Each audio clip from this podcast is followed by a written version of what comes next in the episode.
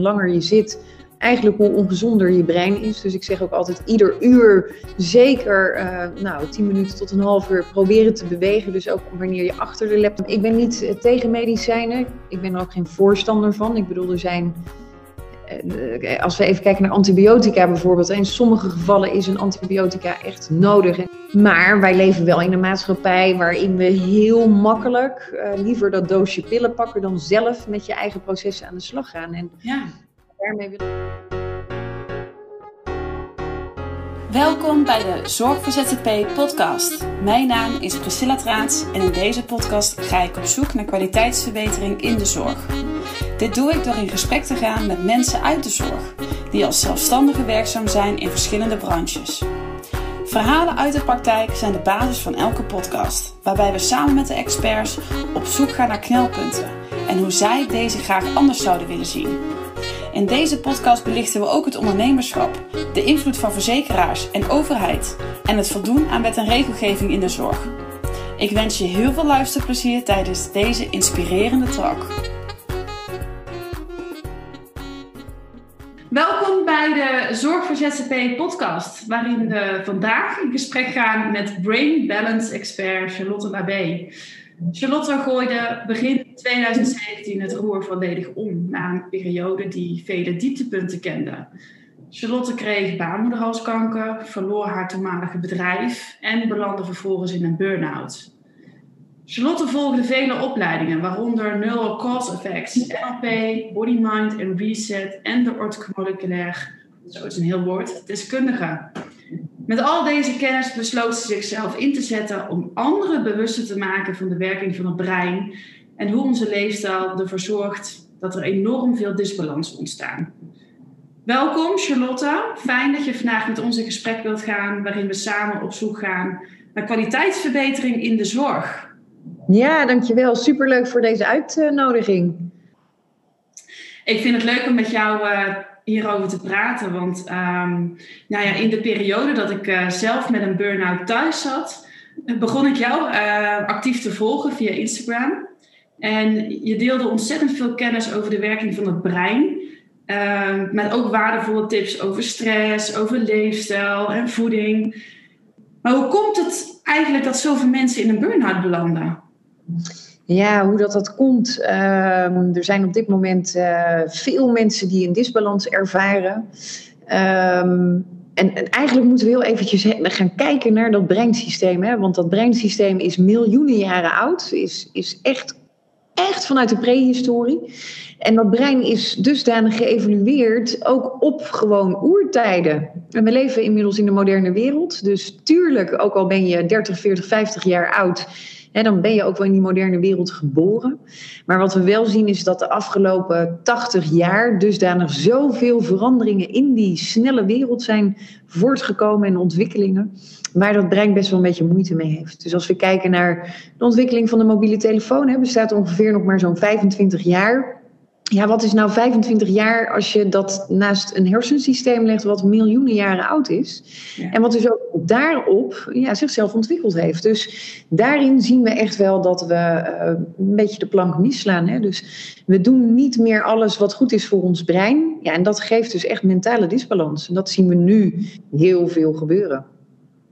En heeft het ook te maken met hoe we zijn gaan werken? Als we kijken vroeger, hè, onze opa's en oma's die... Uh, werkte buiten, gingen op de fiets naar het werk. Uh, veel boerenbedrijven, dus die stonden s morgens vroeg op, uh, gingen eerst aan het werk voordat ze begonnen te ontbijten. Hadden zij door hun manier van werken automatisch een gezonder bestaan dan hoe wij op dit moment werken?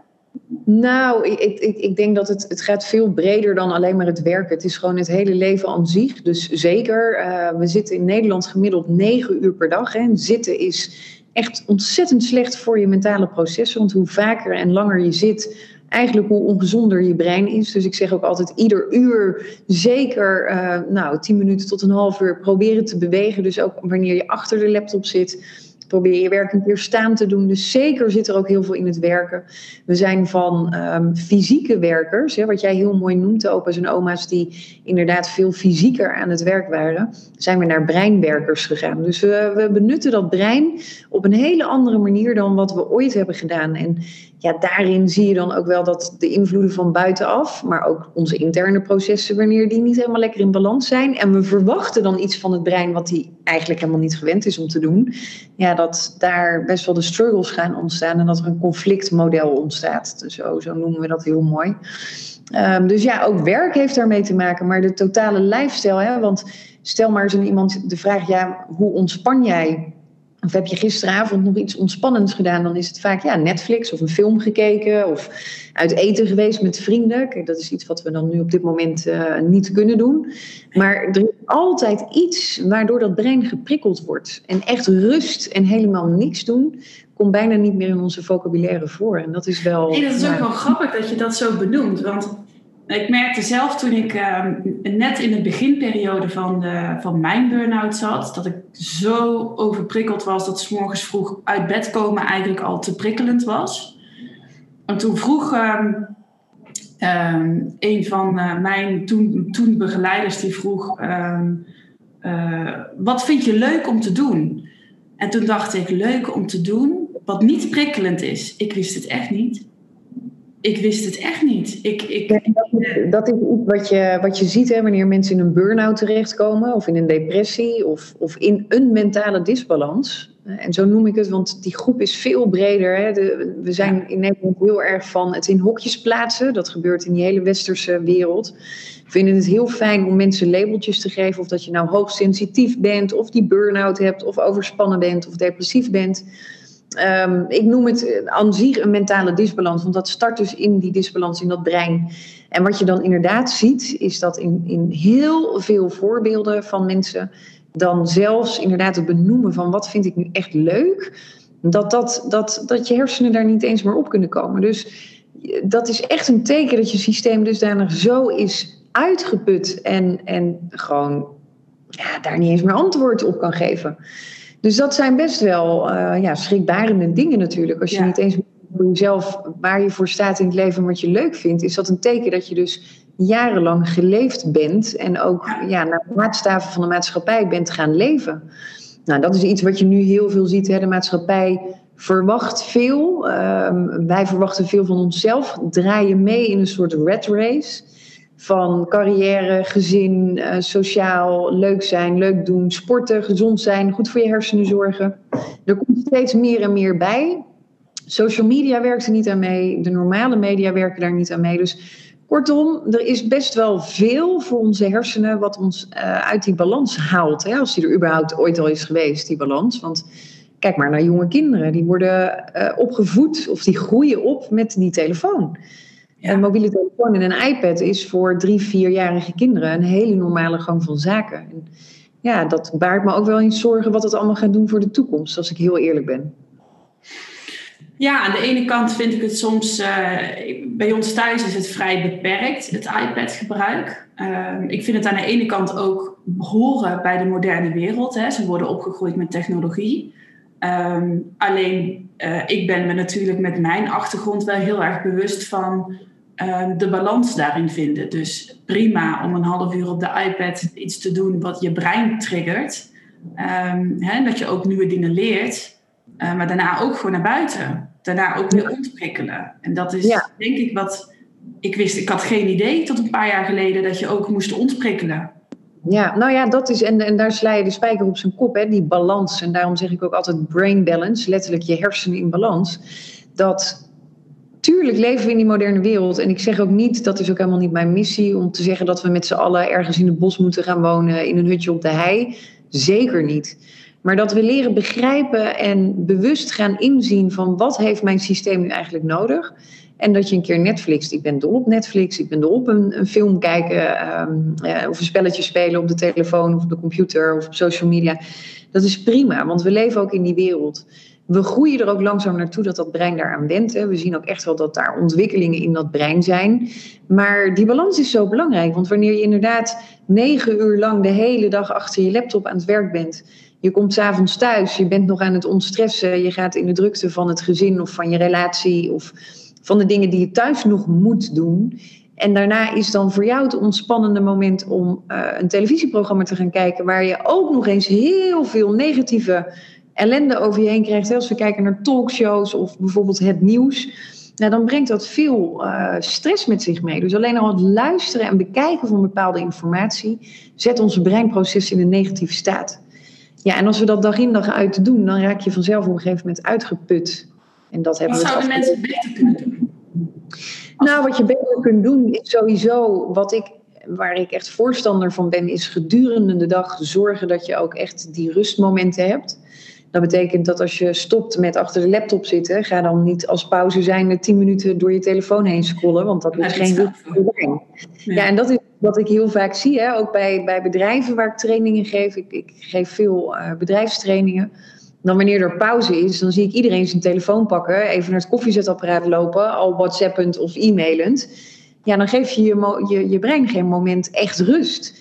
Dus plan nou eens voor jezelf gewoon vijf keer per dag vijf minuten in om rust te houden. Dat is dus gedurende de hele dag 25 minuten, dus dat is echt eigenlijk niks.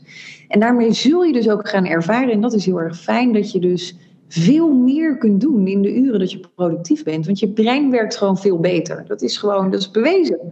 Ja. En als we dat veel meer gaan inzetten, dan komt er ook in één keer wat meer ruimte voor die persoonlijke aandacht. En dat is waar heel veel mensen nu naar op zoek zijn van ja, hoe hou ik die balans tussen werk en privé en eigenlijk de dingen die ik voor mezelf zou willen ontwikkelen. Dus inderdaad, het liefst iedere dag even wandelen of sporten, gezond koken. Heel vaak schiet er toch wel iets bij in. En uh, ja, dat kan je zomaar uh, de balans in je brein kosten. Ja, ja. Ik, uh, ik wil uh, je ook vragen om, ehm, ehm, om eens te kijken naar het zakelijke aspect. Want we hebben natuurlijk ook heel veel ehm, ondernemers. En, en ik geloof oprecht dat op dit moment ook echt veel mensen echt heel stress ervaren. Misschien ook wel echt financiële stress ervaren. En zelf heb ik na het, uh, ja, het roer volledig omgegooid naar mijn burn-out. Want ik had een online marketingbureau en ik ben nu eigenaresse van Zorg voor ZZP. En um, ik ben mijn bedrijf gaan opbouwen op basis van mijn eigen persoonlijke waarden. Dus wat ik belangrijk vond en volledig natuurlijk gericht op het vinden en het behouden van die balans. Ja. En het roer omgooien, dat klinkt ja, dat klinkt natuurlijk super heftig. En, uh, en als je het mij vraagt, dan is dat ook een heftige periode. Uh, ja. Je begint in principe helemaal opnieuw, maar wel met alle ervaring als bagage, uh, ja, die, die je wel gewoon met je meeneemt. Ehm, jij hebt het roer ook volledig omgegooid. Ehm, want misschien weten de mensen die nu luisteren niet dat jij model bent geweest. En ook een eigen modelabel hebt gehad. Ja, en nu ben jij brain balance expert en heb jij een missie en wil je ja, mensen bewuster maken van een gezonder brein. Ja. Hoe heb jij het, uh, het opbouwen van een compleet nieuw bedrijf in een totaal andere branche aangepakt? Nou ja, kijk, dat, het is superleuk ook dat je dit aankaart. Want inderdaad, ik kom uit een hele andere wereld waarin, nou, zeker als je kijkt naar de modellenwereld, ik heb ook op televisie wat programma's mogen presenteren, waarin er heel veel van je verwacht wordt, wat eigenlijk een beetje haak staat op hoe je als mens het fijnst kunt ontwikkelen. Hè? Dus het is heel erg uiterlijk gedreven. Het gaat niet zozeer om wat je weet, maar om hoe je eruit ziet. En dat brak mij op een gegeven moment een soort van op dat ik dacht, ja, ik mis wel heel erg de diepgang erin. Ik mis heel erg, het gaat heel erg om de buitenkant. En, en ook in de modewereld is dat zo. Dat ik dacht, ja, eigenlijk ja, eh, hoor ik hier wel in thuis. Maar ik vond het wel onwijs leuk om te doen. Hè. Mijn, mijn kledingmerk, vooral het creatieve stuk. Dus het designen van de kleding, uh, mensen daarin adviseren. Dat vond ik, vond ik heel leuk. Maar het, het ja, inhoudsloze van de wereld, om het zo maar te zeggen, voor mij was dat in ieder geval niet iets waar ik heel gelukkig van werd. Maar daar kwam ik pas achter toen het met mij heel slecht ging. Ik heb inderdaad jarenlang 80 uur in de week uh, gewerkt, heel veel stress gehad. En ik had altijd wel stressklachten, maar ik wist ze eigenlijk nooit echt te benoemen. In die zin, ik had rugpijn, nekklachten, schouderklachten, vaak ook hoofdpijn, vermoeid, maar toch slecht slapen, uh, vaak wakker liggen, piekeren. Ik denk voor heel veel mensen heel herkenbaar. Ja. En ik dacht, het hoort erbij. Want alle mensen die ik sprak, ondernemer, uh, werknemer, iedereen zei, ja, dat heb ik ook. En nou, hoort bij het leven. Als je volwassen bent, is dat zo. Dus op een gegeven moment accepteer je dat ook. En lijkt het wel of dat het inderdaad maatschappelijk zo is, dat het is wat het is. Totdat bij mij inderdaad, uh, ja, op een gegeven moment ben ik failliet gegaan met mijn bedrijf. Nou, dat gebeurt ook niet van de een op de andere dag. Daar, daar gaan maanden uh, overheen van heel veel ellende en heel veel stress. En na dat faillissement, toen wist ik eigenlijk niet meer echt wie ik nou zelf was. Want ik heb jarenlang echt geleefd voor en in het bedrijf. En ik was ongeveer mijn bedrijf geworden. En toen dacht ik, ja, maar wie is nou eigenlijk Charlotte Labé? Waar sta ik voor en wat vind ik belangrijk in het leven? En ik kon daarop geen antwoord geven. Ik wist het niet. Ik had het idee dat ik mijn totale identiteit kwijt was geraakt door altijd maar aanwezig te zijn en heel, ja, ehm, ik had echt het idee dat ik onmisbaar was voor het bedrijf. Nou, dat zijpelde een aantal maanden zo door. En uh, met mijn gezondheid ging het steeds slechter. Ik kreeg een hele heftige kaakontsteking. Uh, ik belandde uiteindelijk met uitvalsverschijnselen in mijn rechterzijde, mijn rechterarm en hand in het ziekenhuis. En de neuroloog maakte met spoed allerlei scans van mijn hoofd. Want hij zei, ja, dit is iets neurologisch, hè? je hersenen sturen dit aan. Dat was eigenlijk de eerste keer dat ik dus met mijn eigen hersenen um, ja, in contact kwam, om het zo maar te zeggen. Dus voor het eerst dat ik echt dacht, oh, mijn hersenen doen dus iets voor me. Hè? Want we nemen het allemaal maar klakkeloos aan dat we doen wat we doen en functioneren zoals we functioneren. Ja. Maar staan nooit stil bij dat brein. Nou, toen vertelde hij me dat mijn nervus vagus, en dat is eigenlijk de hoofdzenuw, die loopt vanuit je hersenen rechtstreeks terecht hè, je systeem in, dus naar je fysieke systeem, organen in, dat die uh, dusdanig ja, beschadigd was, dat ik daardoor dus verlammingsverschijnselen kreeg. En ja, dat realiseerde ik me dat ik dacht: oké, hoe gaan we dit in een quick fix oplossen? Ik was nog heel erg op zoek naar. Kunnen we dit opereren? Eh, zijn er medicijnen voor? Kan ik, ik, had, ik had inmiddels al morfine gehad en prednison. En ik had al van allerlei kuren gehad. Cortisol spuiten erin. Nou, niks hielp. En toen zei hij me: Ik geloof in het holistische van de mens. Nou, kan je vertellen, ik had nog nooit gehoord over de term holistisch en wat het dan precies inhield. Dus het was echt een eye-opener, deze man voor mij. En hij zei, ja, er zijn twee opties.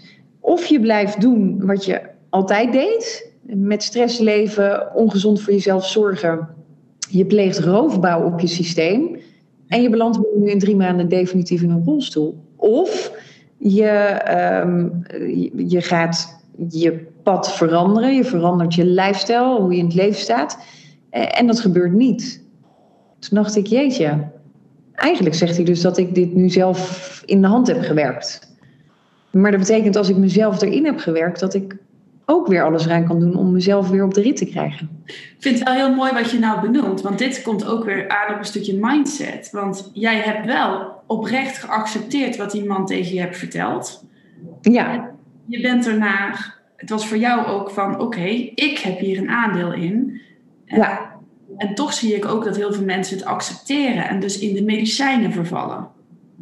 Ja, nou ja, kijk, um, ik ben niet tegen medicijnen. Ik ben er ook geen voorstander van. Ik bedoel, er zijn. Uh, als we even kijken naar antibiotica bijvoorbeeld. In sommige gevallen is een antibiotica echt nodig en is het ook levensreddend. Wanneer ja. je, ook, ook bij gezonde mensen. Maar wij leven wel in een maatschappij waarin we heel makkelijk uh, liever dat doosje pillen pakken dan zelf met je eigen processen aan de slag gaan. En ja. daarmee wil ik wel zeggen dat een medicijn is niet de oplossing van je probleem. Het is heel even de verzachtende pleister, zodat je het op dat moment niet hoeft te voelen. Maar het betekent niet dat het verdwijnt. Het is niet dat het het, oplost. Op. Nee. nee. en ik geloof heel erg in um, ons natuurlijke systeem. We hebben, we, we, zijn, we hebben een zelfhelend systeem. Als we een wondje hebben op onze vinger, dan hoeven we geen pillen te slikken dat onze huid weer gaat herstellen. Dat en, doet ons uh, lichaam, ja. Dat doet ons lichaam zelf. En ieder mechanisme, ieder orgaan, ieder uh, bindweefsel, celweefsel, alles wat wij hebben, dat kan zichzelf, heeft dus het zelfherstellende uh, vermogen. Ik had daar nooit bij stilgestaan. Ik was ook makkelijk van, oh, ik heb hoofdpijn, nou dan twee paracetamol, dan kan ik weer door. Want ik heb nog genoeg te doen, die hoofdpijn komt me niet uit. Inmiddels weet ik dat een signaal iets is om jou informatie te geven over je systeem. Van hé, hey, ik heb hoofdpijn, heb ik genoeg water gedronken? Heb ik genoeg frisse lucht? Moet ik misschien heel even naar buiten toe? Moet ik misschien even bewegen? Heb ik wel goed gegeten? Heb ik misschien um, vitamines of mineralen tekort waardoor ik hoofdpijn krijg? In plaats van laten we een paracetamol nemen, dan voel ik het niet meer. Nou, en dat is wel iets. Kijk, ik liep al jarenlang met klachten. En ik heb dat jarenlang ook genegeerd. Omdat ik dacht, ja, het komt me niet uit. Nekpijn, ja, huppatee, naar de fysiotherapeut. Uh, cortisolspuit erin. Ik was daar heel makkelijk in. Hoppatee, als het maar opgelost is. Maar toen ik echt ben gaan luisteren naar wat mijn lichaam me wilde vertellen. Maar ook mijn mind, mijn geest. Ja, dan heb je zo'n mooie connectie. Wat je ontdekt ook. waarin ieder mens heeft dit en kan dit. Want daar worden we ook mee geboren. Alleen ja, we, ja, we vergeten het een beetje. En, en ja, hoe meer kennis je hebt over je eigen systeem, hoe makkelijker je het ook voor jezelf kunt gaan inzetten. En dat was voor mij op dat moment ook echt de eye-opener van ehm, ik heb dit zelf in de hand. Dus take it or leave it. Je gaat nu of iets doen aan jezelf en aan jezelf werken. En dat is geen makkelijke stap. Want dat betekent dus ook dat je moet erkennen en bekennen, ook naar de rest van de wereld en om je heen, dat het even niet goed gaat met je. En dat was niet makkelijk. Ja, ja. Daar, dat ben ik nu. Nu vind ik dat heel makkelijk als ik moe ben en ik wil om acht uur gaan slapen. Dan ga ik gewoon om acht uur slapen, want ik ben moe. Ja. Maar vroeger dacht ik, ja, nee, want mijn relatie, mijn man of mijn vriend of hè, mijn vriendinnen die zitten op me te wachten en ik heb afgesproken, dus dat kan ik niet afbellen, kun je niet maken. Nee, nu zeg ik gewoon, jongens, ik ben moe. Ehm, ik skip deze, ik ga lekker slapen. En dan zie je ook wanneer je daarin eerlijk bent, dat iedereen dit herkent en dat het juist heel erg gewaardeerd wordt. Dus dat is ook echt iets, misschien wel een van de mooiste learnings, dat je echt jezelf mag zijn en niet naar maatstaven van de maatschappij hoeft te leven. In de snelheid van de maatschappij. Uh, maar ja. En, en toen jij uh, besloot, ehm, van ik, ik, het is mijn lifestyle, ik moet, het, ik moet eerst daarmee beginnen voordat ik het roer zakelijk gezien kan omgooien. Want ik neem aan dat je in die periode ook niet werkte. Nee, ik werkte niet. Ik had echt een uh, sabbatical uh, ingepland voor mezelf. Uh, gelukkig dat mijn man ook zei van nou, ik, je bent jezelf niet meer, dus ga op zoek naar jezelf. En ja, ik ondersteun dat proces, dus dat is heel fijn dat je dat dan ook samen... Ja, dat is, dat is ehm, ja, dat is onwijs mooi dat dat, dat, dat ook kan. Ja. Maar het is bij mij nooit, deze weg is, ben ik nooit ingeslagen om uiteindelijk weer een bedrijf of zo op te bouwen. Het is echt, ik ben deze weg ingeslagen om meer over mezelf te weten te komen en om nooit meer in die valkuil te trappen. Want hij is heel makkelijk te nemen. En je ziet het ook, hè, gemiddeld komen mensen met een burn-out drie keer uh, terug in die burn-out omdat het best wel eh, heel makkelijk is wanneer je niet de juiste processen neemt, dat je erin terugvalt. En dat is wel, ja, uh, waardoor ik echt alles wilde weten. Dus daar startte mijn reis. En eigenlijk pas, nou ja, na, na een half jaar dacht ik, dit is zo interessant. Wat ik nu zelf al geleerd heb, ontdekt heb. Uh, dit, dit, zouden meer mensen moeten weten. En toen ben ik lezingen gaan geven. Nou, dat doe je ook niet van de een op de andere dag. Toen dacht ik, ja, wil ik er nou geld mee verdienen of heb ik een missie om een verhaal te vertellen? En toen zei ik tegen mijn man, ja, al zou ik er geen euro mee verdienen, maar kan ik wel doen waar ik echt iedere dag gelukkig van word. En, en mijn man kon op dat moment uh, financieel dan ook het gezin onderhouden, dus dat is heel fijn. Ja. Dan ben ik een heel gelukkig mens en sta ik iedere dag met een purpose op. Uh, en ben ik blij. En toen zei hij, nou, ga je droom achterna. Dus ik heb het eerste jaar heb ik al mijn lezingen gratis gegeven door het land. Ehm, kleine zaaltjes, grote zalen. En ik zag dat daar heel veel behoefte aan was. En, nou ja, naarmate dat je dat doet, zie je ook wat, wat de behoefte is van de doelgroep van de mensen die bij jou op bezoek komt. Die ehm, met je informatie aan de slag gaat. En dat ga je ontwikkelen. En uiteindelijk ben ik in de neurowetenschappen terechtgekomen. Daar ben ik uit gaan leren. In de ortomoleculaire geneeskunde. En eigenlijk die twee stromingen heb ik bij elkaar gebracht. En ja, dat noem ik brain balance. Dus het is niet alleen de neurowetenschappelijke kant, maar ook een stuk voedingsstoffen, wat heel belangrijk is. Ehm, beweging, hoe ga je om met je stress, lifestyle, ontspanning. Dus echt het totaalplaatje van het kennen van je brein en wat heeft hij nodig. En dan kun je als mens een heel gelukkig en in homeostase uh, leven. En homeostase is dat je niet 100% in balans bent, maar wel daar altijd weer kunt komen. Hè? Dus ik zie het leven ook wel met pieken en dalen als een soort golf. Ja. En dat is prima. Ja, inderdaad. Ja. En zo is dat langzaam gegroeid. Dus het is, het is, ik heb nooit echt een businessplan hiervoor geschreven, maar meer echt vanuit ja, mijn gut feeling, om het zo maar te zeggen. Ehm, ik moet dit doen, ik heb een missie. En ik hoop dat ik heel veel mensen met deze kennis kan gaan bereiken. En dat, ja, dat wordt steeds groter. Uiteindelijk mijn eerste boek geschreven. Um, werd al heel snel een bestseller. Inmiddels heb ik nu net mijn vijfde boek afgerond. Dus het is, ja, het is gaaf. Het is ook gaaf om te zien dat mensen echt behoefte hebben aan uh, kennis over hun brein. En inmiddels in het bedrijf zitten we nu met acht fulltimers. Dus uh, ja, dat groeit ook enorm. Ja. Ik denk dat het ook wel een. een uh, nou, ik, ik ga dadelijk trouwens de vraag aan je voorleggen. Ik ga hem nog niet nu al stellen. Um, ik wil wel een andere vraag aan je voorleggen. Um, want eigenlijk staan de kranten er vol, er vol mee op het moment. Um, in de zorg kampen er gewoon heel veel mensen met stressklachten. we hebben het over de frontlinie, maar die is natuurlijk veel groter. Want de complete alternatieve branche ligt ook stil. dus mensen hebben echt wel stressklachten.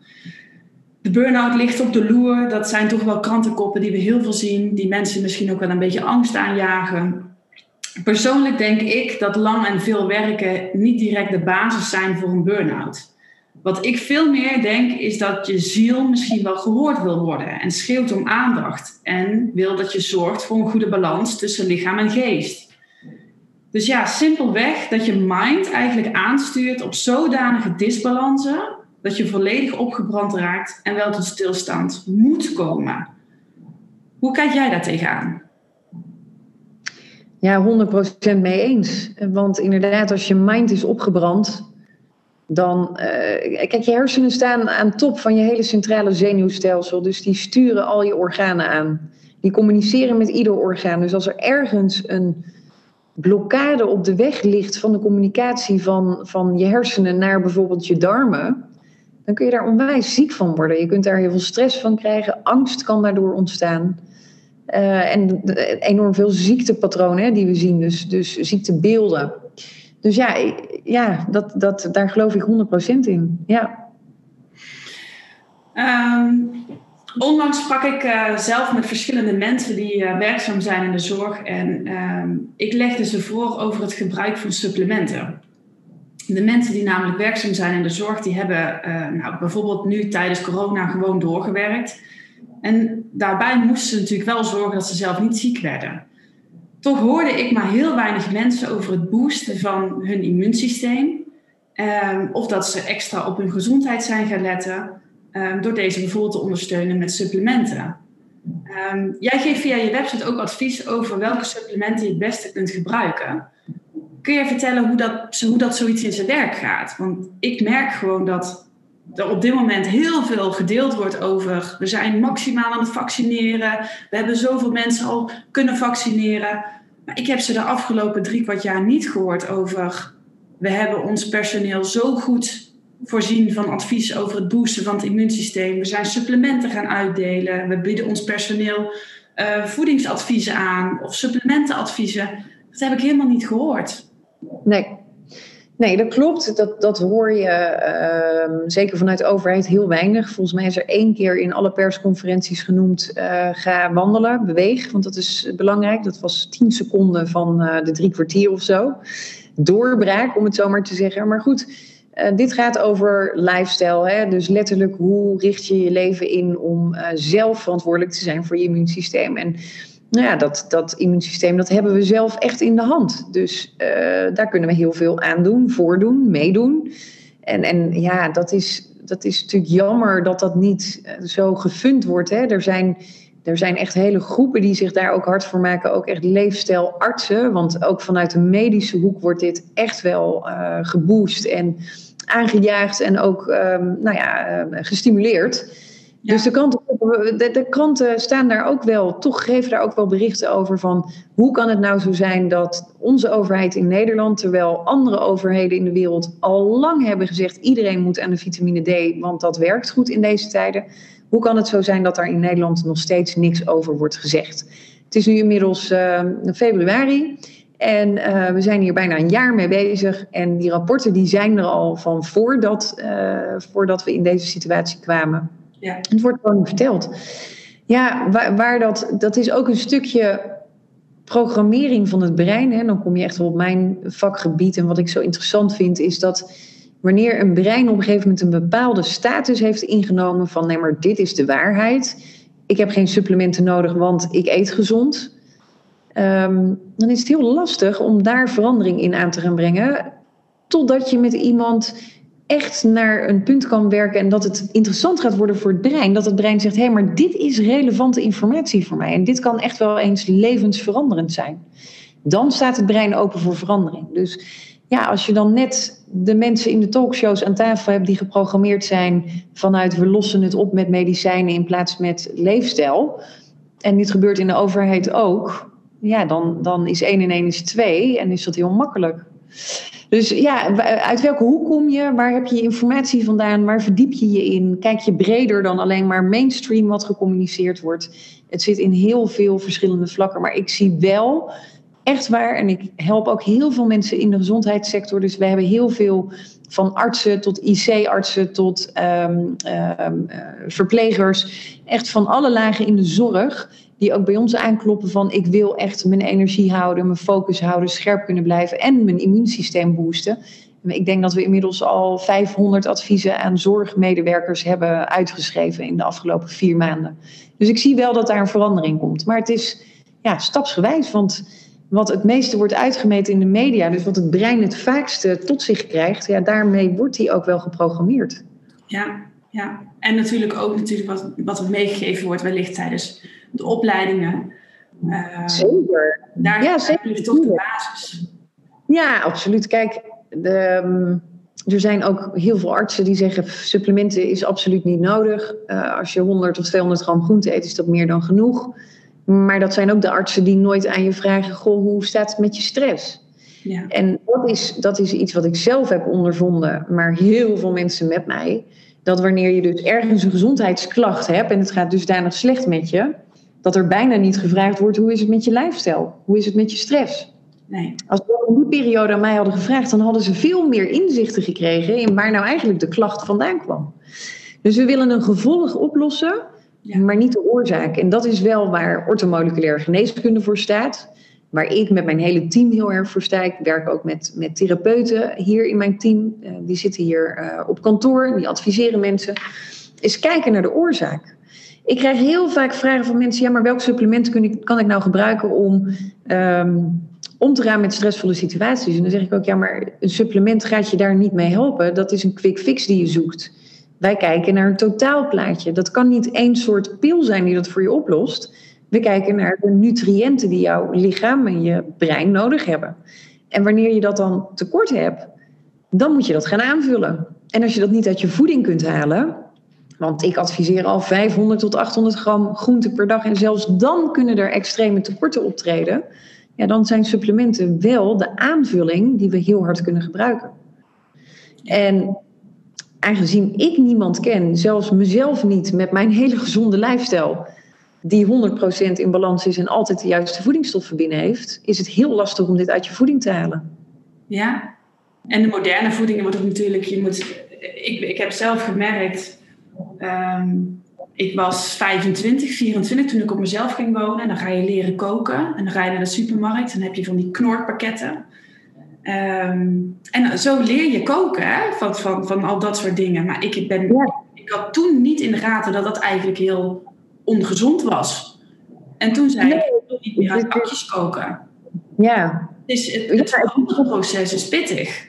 Ja. Ja, het is net wat je meekrijgt in je jeugd. Hè. Er zijn natuurlijk ook mensen die echt hebben meegekregen om... Um, alleen maar uit de natuur te koken en nooit pakjes te gebruiken. Nou is die groep heel klein, dat is minimaal. Want vaak is het toch uh, gemakzucht, makkelijk. En dan hebben we meteen een sausje, komt uit een zakje, je doet er wat water bij en je bent klaar. Maar er zitten weer heel veel opvulproducten in. Het komt uit een fabriek, het komt niet meer uit de natuur. Er zit MSG in, smaakversterker, E621. Kijk maar eens een keer op je ingrediënten. En dat maakt ons verslavend aan bewerkt voedsel. Hè? Dus als we vaak E621 eten, dan zet dat in je brein bepaalde receptoren aan. En dan vraagt je brein eigenlijk naar meer bewerkt voedsel. Dus we gaan veel meer cravings krijgen. Um, sneller een zoetbehoefte creëren, sneller chips pakken, sneller gefrituurd eten willen eten. Ja, en dan kom je heel snel in een loop te zitten waarvan je brein denkt dat het normaal is. En uh, jij je eigenlijk alleen maar slechter gaat voelen, maar geen idee hebt waar het vandaan komt. Dus het, het is ook een stukje kennis wat ontbreekt. We leren dit niet op school. We leren er weinig over in onze jeugd. Hè. Je mag echt in je handjes knijpen als je ouders hebt gehad die met deze dingen heel erg bezig waren. Met gezond eten, bewegen, op tijd slapen, dat soort dingen. Ehm, dat is uniek. Ja, en dat is uiteindelijk ook een van mijn missies om, om brain balance ook in het onderwijs te gaan krijgen. Dus dat dit op zeer jonge leeftijd al duidelijk wordt gemaakt voor het brein. Want hoe jonger we daarmee beginnen, hoe makkelijker het wordt. En dan hoef je niks meer te veranderen. Want dan doe je het al. Ja. Ja, maar ik moet ook zeggen, ik, ik, ik kan het denk ik ook wel een beetje vergelijken met een soort van afkikproces.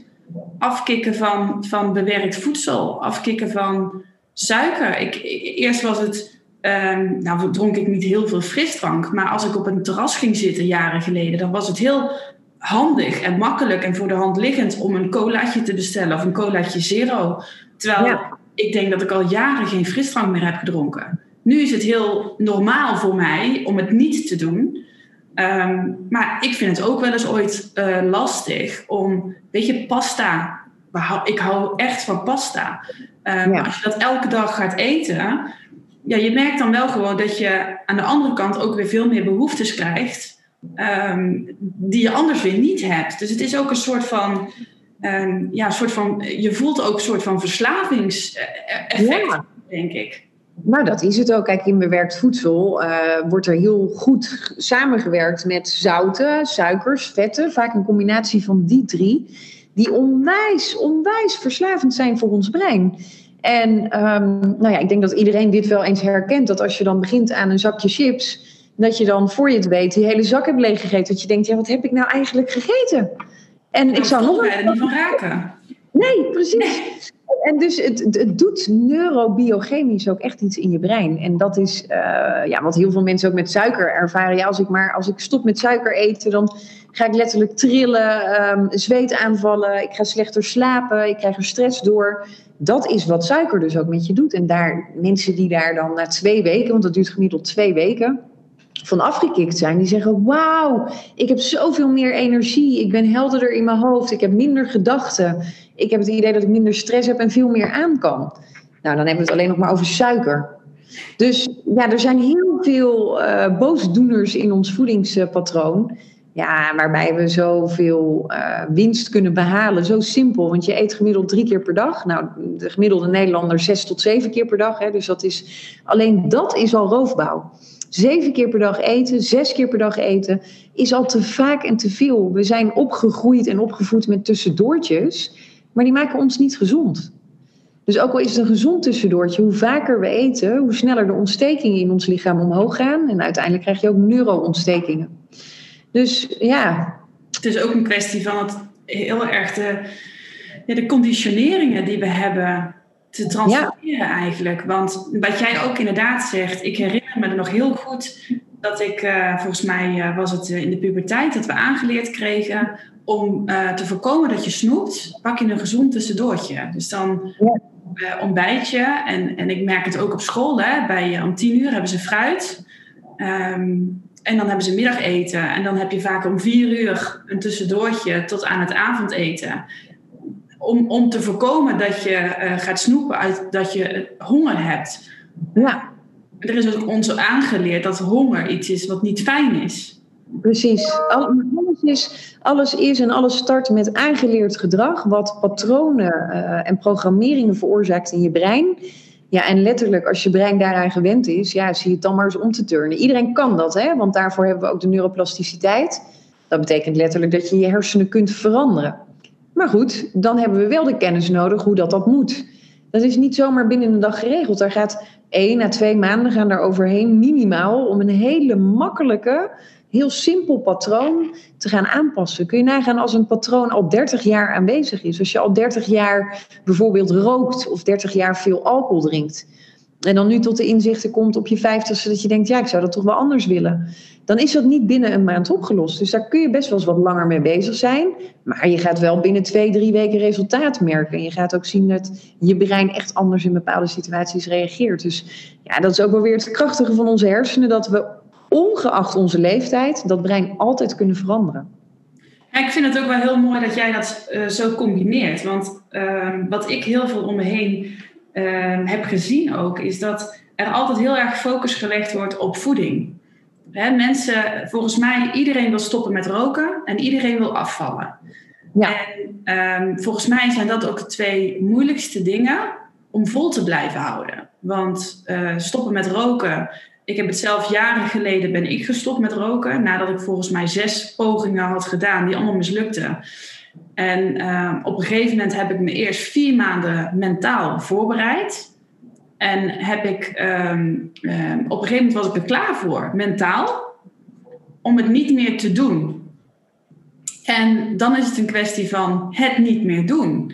En dat was vrij makkelijk. Maar je kunt niet, met eten is dat bijvoorbeeld veel moeilijker. Want je kunt niet zeggen, ik eet niet meer. Dus het is ook de hele tijd je, je brein klaarmaken voor het maken van een goede keuze.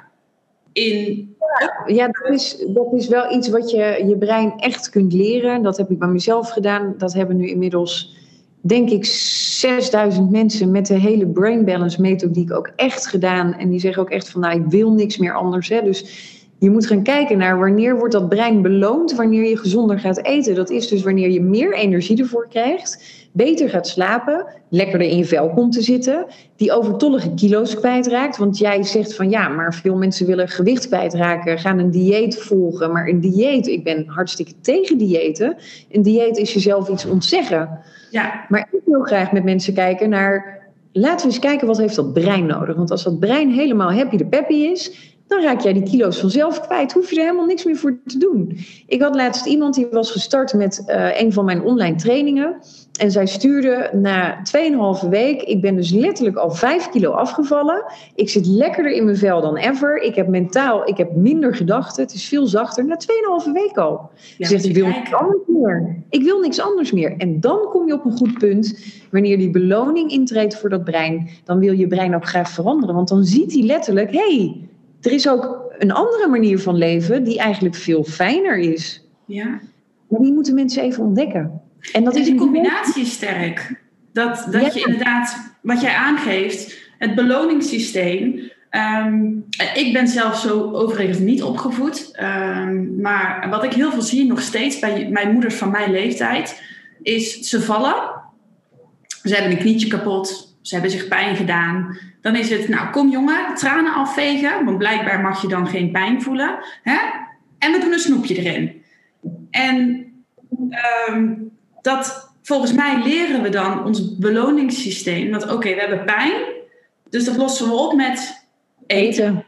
Ja. En ergens hebben we dat allemaal misschien wel in ons zitten. En ik heb het zelf, merk ik dat ook wel, dat als ik bijvoorbeeld de hele week gezond heb gegeten, dat ik in het weekend denk, oh lekker, mag ik nou iets ongezonds? Terwijl het eigenlijk een heel, een heel raar patroon is. Want de hele week heb je jezelf beloond, je, je mind beloond met goede dingen.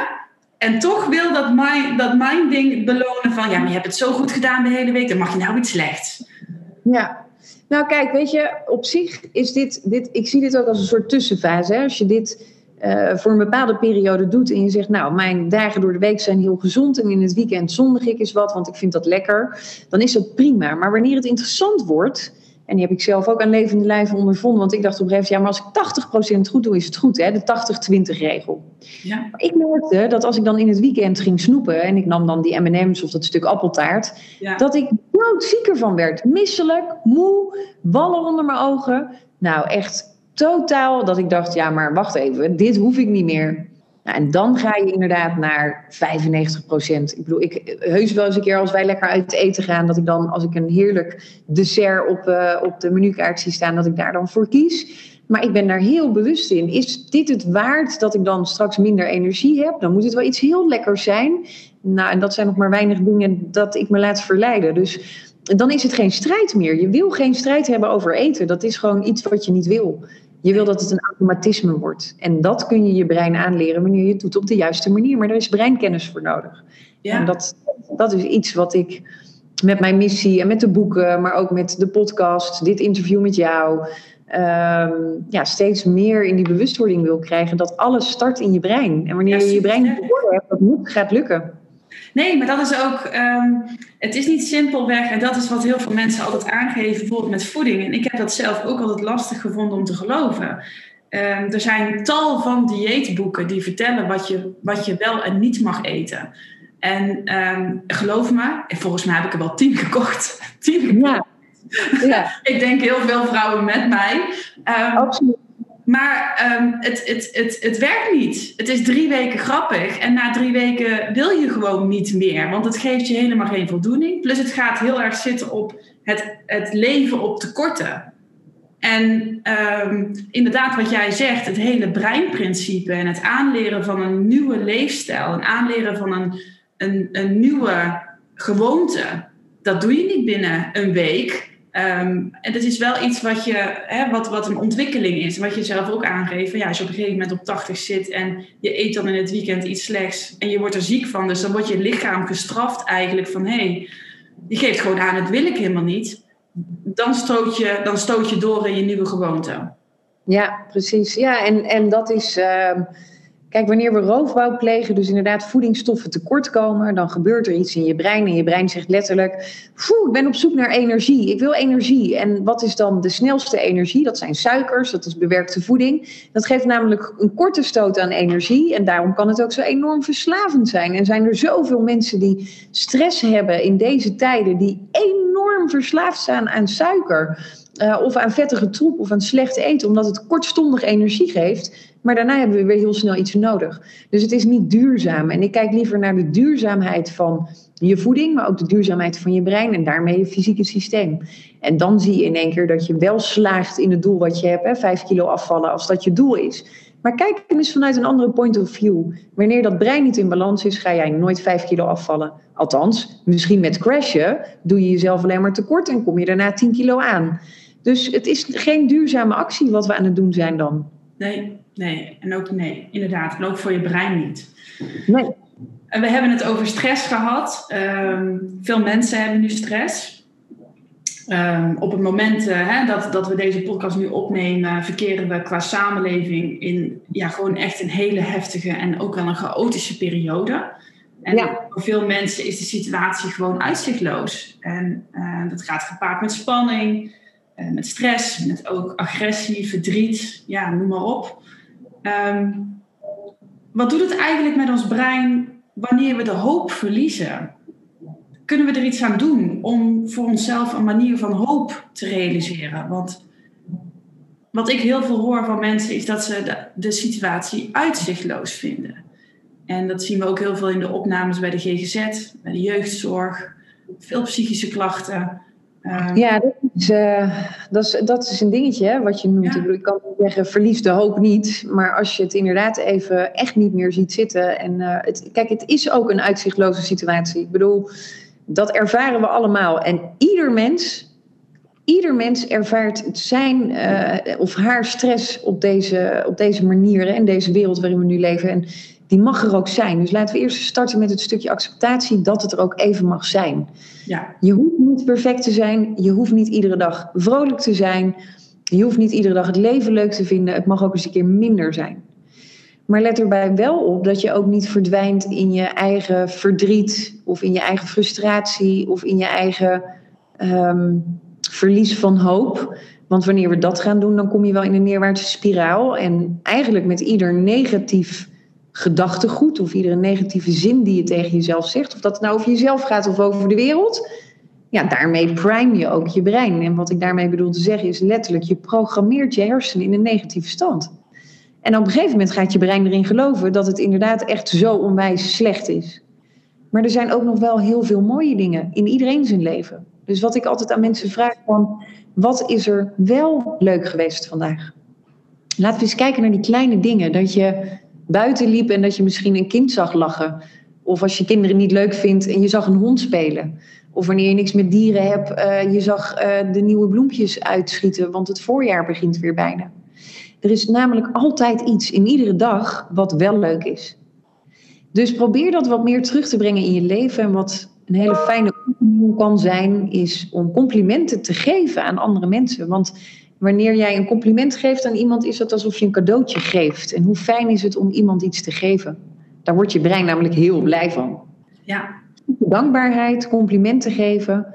Voor iedereen die de hoop even verloren heeft, uh, ga daarmee aan de slag. En ik heb daar in mijn laatste boek in de journal ook echt opdrachten in staan waar je echt concreet ook voor jezelf mee aan de slag kan gaan. Iedere dag.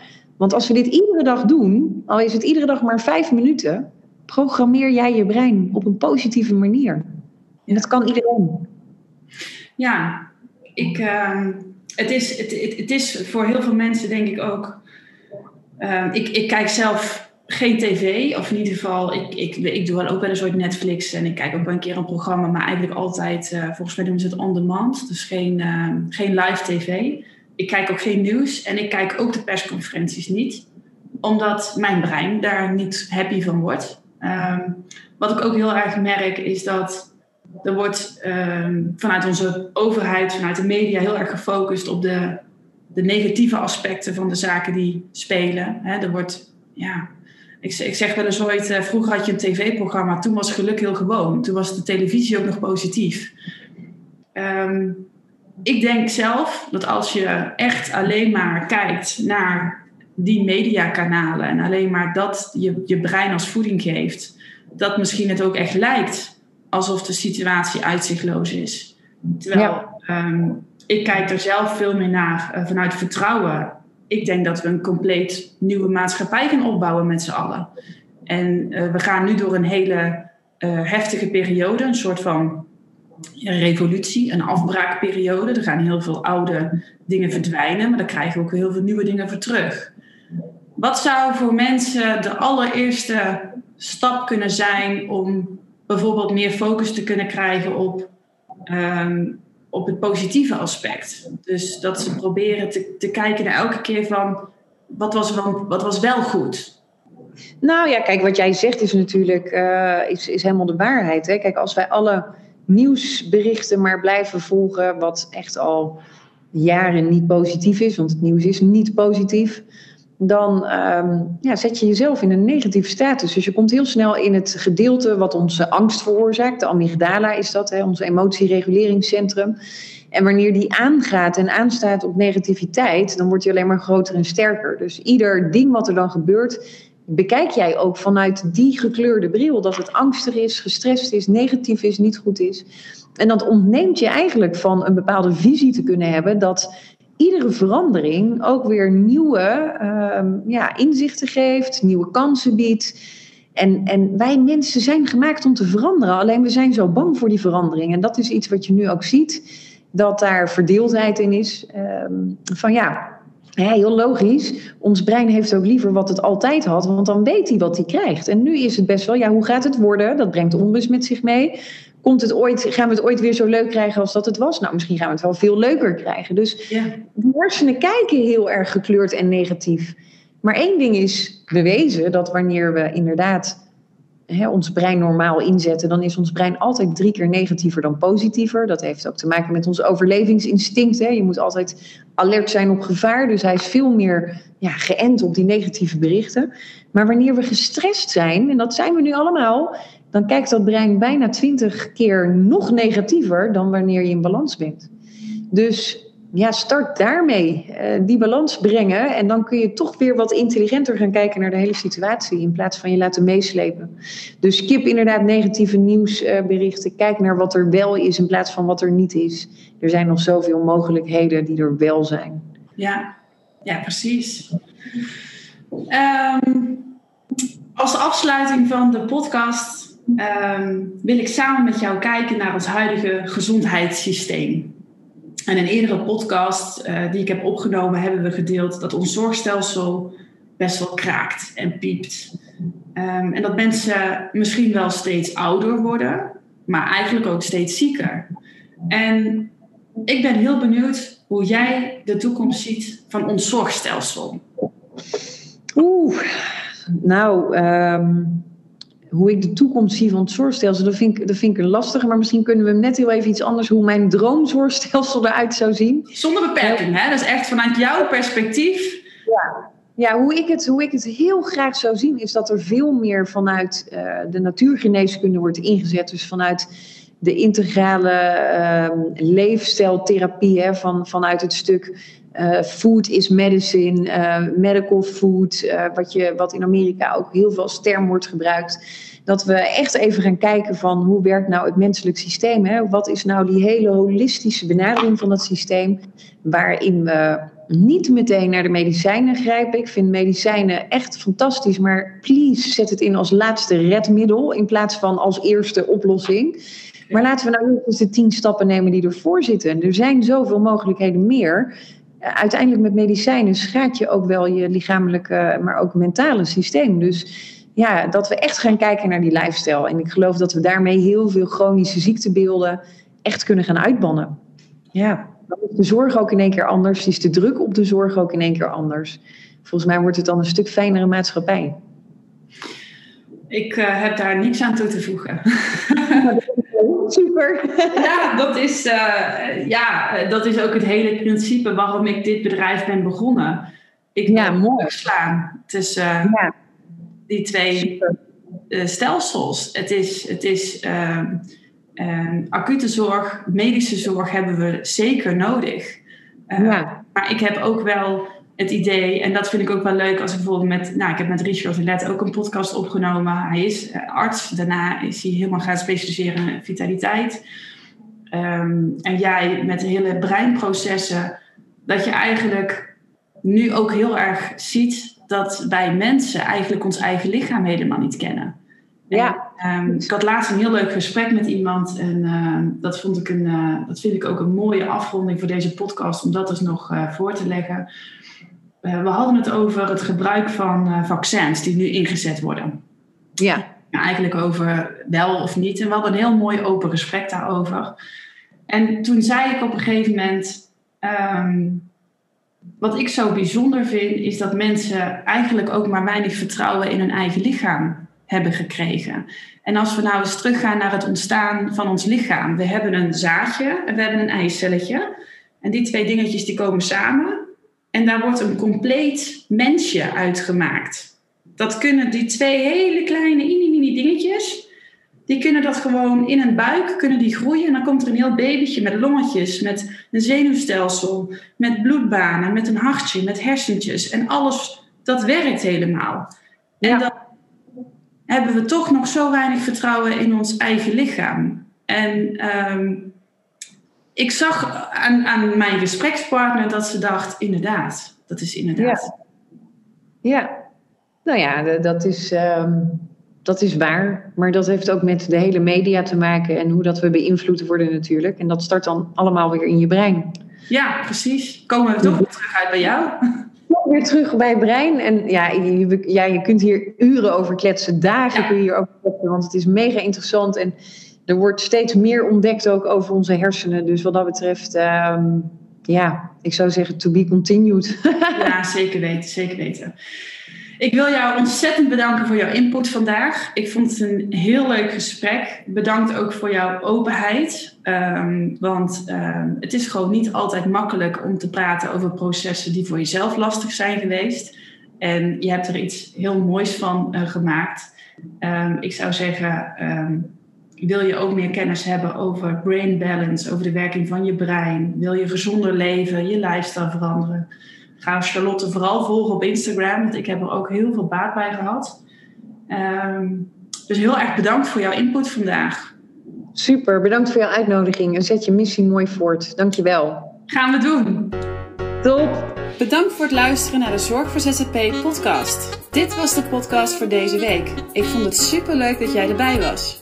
De komende week staat er weer een nieuwe podcast voor je online, met daarin uiteraard weer een nieuw en inspirerend verhaal. Mocht je het leuk vinden, dan vind ik het natuurlijk heel erg fijn als je deze podcast wil delen met de mensen om jou heen die net als jij werkzaam zijn in de zorg, ondernemer zijn en continu op zoek zijn naar groei en verbetering. Tot de volgende keer.